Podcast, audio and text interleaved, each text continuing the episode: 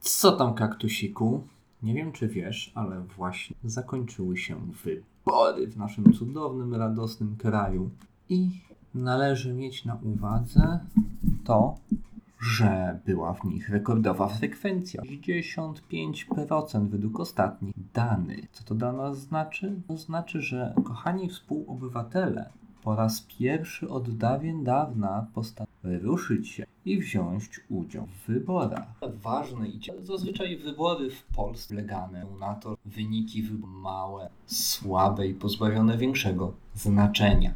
Jednak to, co jest ciekawe, to to, bo finalistów, czyli tych, którzy będą w drugiej turze, no to tak raczej nikt nie obstawiał inaczej, chyba że był mega optymistą albo siedział pod kamieniem przez ostatnie 200 lub 300 miesięcy.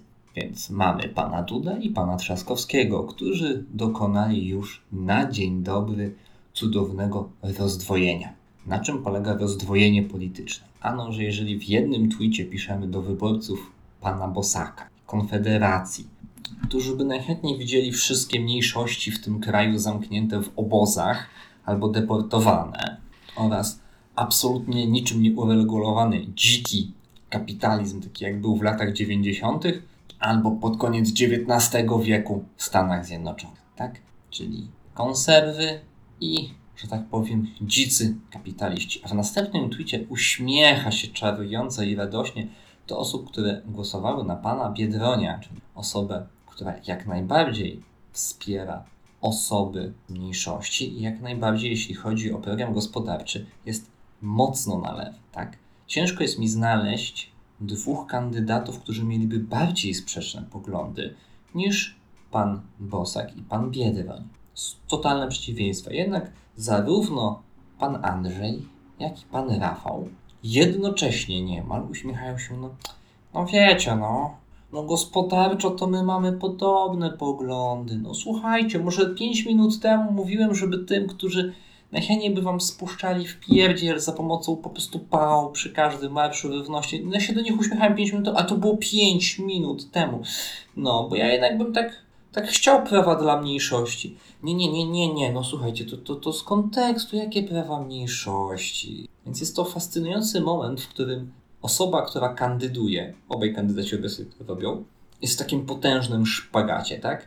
Z jednej strony starają się pozyskać głosy osób o poglądach wręcz betonowo-prawicowych, z drugiej strony się wziąć osoby, które no, spokojnie możemy nazwać lewicą, taką nawet momentami skrajną. Więc nie wiem, oni sądzą, że co, że to jest takie, taka podkówka i że jak odpowiednio się będzie z jednej strony i z drugiej dociskać, to, to się dwie skrajności złączą na samym końcu?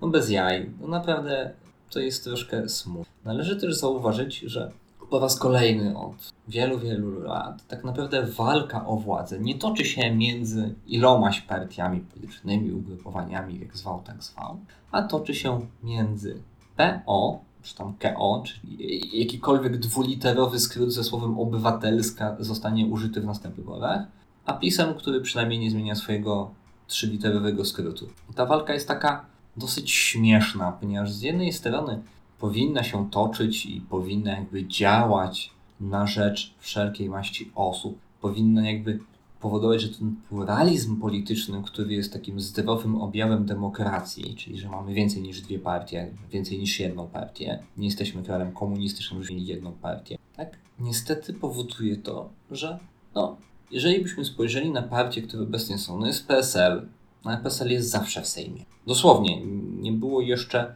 odkąd istnieje PSL, sytuacji, w której PSL nie miałby kogoś w Sejmie lub Senacie. Jest to fizyczna niemożliwość. Podobno jest taki napis na sali obrad, że jeżeli przez te drzwi w ciągu pół roku nie przejdzie przynajmniej jedna osoba z PSL-u, to budynek się zawali. Naprawdę, tak będzie. Tak? Mamy Konfederację, która postanowiła chyba zerwać największe odpady polskiej polityki i szury e, totalne, e, ponieważ mamy tam antyszczepionkowców, to też jak ja wolę ich nazywać, miłośników epidemii, wyznawców Boga chaosu, zarazy, nurgla. Mamy płaskoziemców, którzy są równie mało, że tak powiem, obyci w czymś takim jak podstawowa wiedza z geografii. ale w odróżnieniu od antyszczepionkowców są bardziej pocieszni niż groźni. No i mamy oczywiście Uber beton y, taki nacjonalistyczny, który y, zasadniczo bierze takie piękne słowo i takie piękne uczucie jak patriotyzm i dokonuje na nim brutalnego, wielokrotnego gwałtu, aż bicia i ugniatania, aż nie zostaje nic wartościowego, tak? To jest takie tłuczenie wielkim proboszczowym dildosem, aż osoba po prostu w tym momencie idea dopasuje się do ich. Ponieważ, kochane osoby, żeby była jasność, patriotyzm to jest ten moment, w którym wspieracie siebie, osoby w swoim otoczeniu, wspieracie sąsiadów, sprzątacie po sobie, dbacie o przestrzeń publiczną, sprzątacie lasy, płacicie podatki, segregujecie śmieci, a nie napierdzielacie ludzi na ulicach. Napierdzielanie ludzi na ulicach jest napierdzielaniem ludzi na ulicach. Dorabianie do tego ideologii jest tak samo kretyńskie i głupie, jak wierzenie w to, że świat jest płatny. Wszyscy wiemy, że świat ma kształt banana, a my stoimy na węższym końcu. Tak? Pojęli? Więc wracając do naszego śmiesznego pluralizmu, tak? Kandydatów mieliśmy na urząd prezydenta, najważniejszy urząd w kraju, całkiem sporo. Były to osoby praktycznie z całego spektrum, jeżeli chodzi o różne światopoglądy i ideologie polityczne. Jednak, że tak powiem, nasze kochane media z jednej i z drugiej strony tłukły tak naprawdę Dudę, Trzaskowskiego, Bosaka, troszkę Hołownię i troszkę Żółtka, który mimowolnie podał kolejny genialny pomysł dla naszej obecnej władzy, na co można wydać kolejne 50 milionów złotych. Jeżeli słuchaliście poprzedni odcinek nad pieniądzem, to wiecie, że nasza obecna władza bardzo lubi pieniążki wydawać. Na co?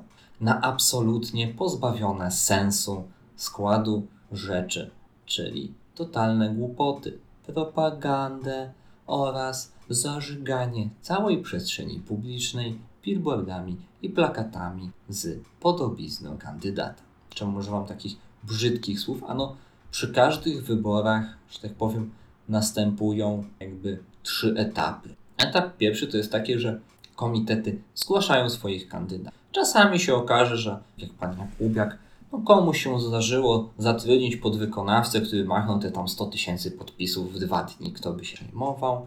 Czasami zdarzają się takie sytuacje, że dana osoba, która kandyduje się wycofuje, jest szukany ktoś na jej miejsce.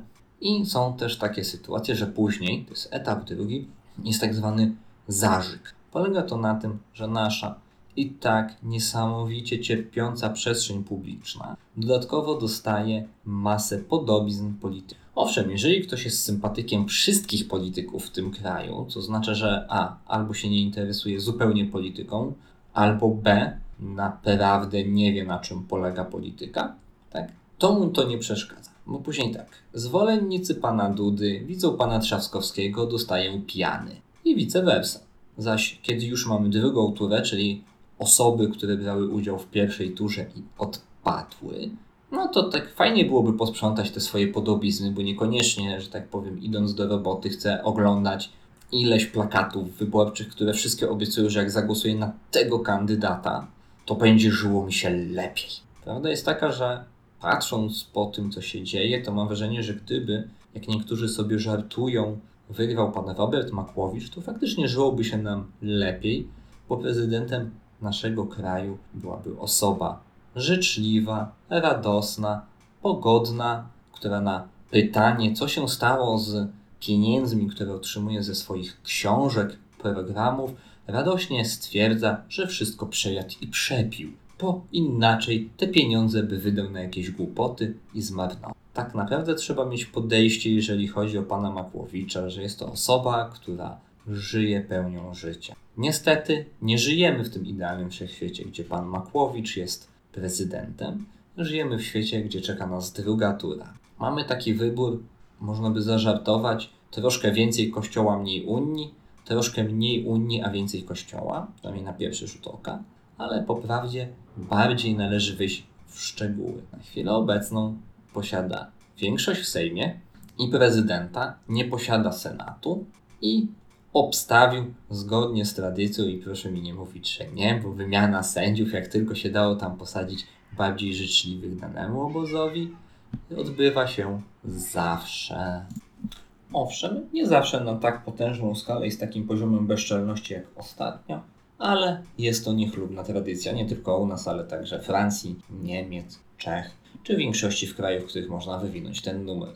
Jednak jeżeli spojrzymy nieco głębiej w kwestie takie jak podatki, to należy mieć na uwadze, że prezydent posiada możliwość weta. Czyli w sytuacji, w którym prezydent nie jest z partii rządzącej, może on pełnić funkcję takiego hamulca bezpieczeństwa, który będzie w stanie spowalniać niektóre co bardziej kretyńskie pomysły naszej władzy. Czy z drugiej strony nasza władza posiada nieskończoną ilość bardzo dziwnych, głupich pomysłów. Na chwilę obecną po raz kolejny prawdopodobnie zostanie rzucony jako taki temat szczuciowy albo temat związków partnerskich. W szczególności, że dzięki potężnemu wysiłkowi miłość nie wyklucza. Wniosek na ten temat pewności małżeńskiej, projekt uchwały został złożony. To podobnie będzie wyciągnięty i będzie jak obraz przepychanek, a znając wyrachowanie oraz WhatsApping naszej obecnej władzy, która przypominam na przykład zalegalizowała u nas używanie marihuany medycznej, głównie po to, żeby można było to ten, ten możliwość złapać, wytarzać w twarz wszystkim, którzy krzyczą, że no, no, no bo wy nawet nie pozwolicie osobom, które są chore, im pomoże przy, zażyć tak marihuany, która tam złagodzi ból, a na to wtedy nad prezes no jak to zalegalizowaliśmy, jeżeli ktoś ma zaćmę, jeżeli ktoś ma bóle, na które pomaga, to jak najbardziej może dostać receptę, zrealizować, a teraz może dać. Więc obstawiam wyciąganie tematu równości małżeńskiej z jednoczesnym szczuciem na wszelkie mniejszości, ponieważ jak już widzimy po tych pierwszych minutach drugiej tury kampanii, totalne rozdwojenie narracji jest właściwe obu naszym kandydatom, dzięki czemu tak naprawdę pokazują, że w tej chwili liczy się tylko wygrana, pozbawiona jakichkolwiek skrupułów, jakichkolwiek działań, które mogłyby pozbawić przeciwnika amunicji. Tak? Na pewno będzie uśmiechanie się do skrajności, na pewno będzie udawanie, że jest się zarazem przeciw i z Kościołem katolickim, na pewno będzie mówienie na temat tego, że należy ulżyć pracodawcom, dając im odpowiednie ulgi, zapomogi itd., tak ale jednocześnie należy zwiększyć zakres ochrony pracownika, zwiększając pensje, zwiększając świadczenia emerytalne i zdrowotne kosztem wyższych składek płaconych przez pracodawców, którym oczywiście te składki będziemy obniżali po to, żeby czuli się lepiej. Czy brzmi to bez sensu? Brzmi. Czy jest to bez sensu? Oczywiście, że jest to. Czy tak wygląda nasza scenetyczna? Tak ona sobie wygląda, tak ona się ma. Za wiele z tym nie jesteśmy na chwilę obecną zrobić. Z rzeczy, które są jeszcze ważne i o których należy pamiętać, idąc na drugą turę, to jest to, że wciąż to nie jest taksóweczka, która ma nas dowieść do celu, do tego kochane osoby, jakiego byście chciały mieć, ale jest to metoda zbliżenia się. Tak jak autobus. Jeżeli nie przyjeżdża autobus, który zawiezie Was na przystanek, na który chcecie, to wsiadacie w coś, co zawiezie Was na najbliższy węzeł komunikacyjny, pozwoli sobie tam wskoczyć do czegoś dalszego. Na chwilę obecną to, co ja osobiście uważam za największą bolączkę i na największy problem, który czeka nas jako naród i nas jako wspólnotę europejską i nas jako ludzkość, są to zmiany klimatyczne i pandemia. Więc jeżeli tylko będziecie mieli możliwość zadawania pytań w jakichś Ask Me Anything, Twitterach, social mediach, debatach, gdzie można na Facebooku wysyłać,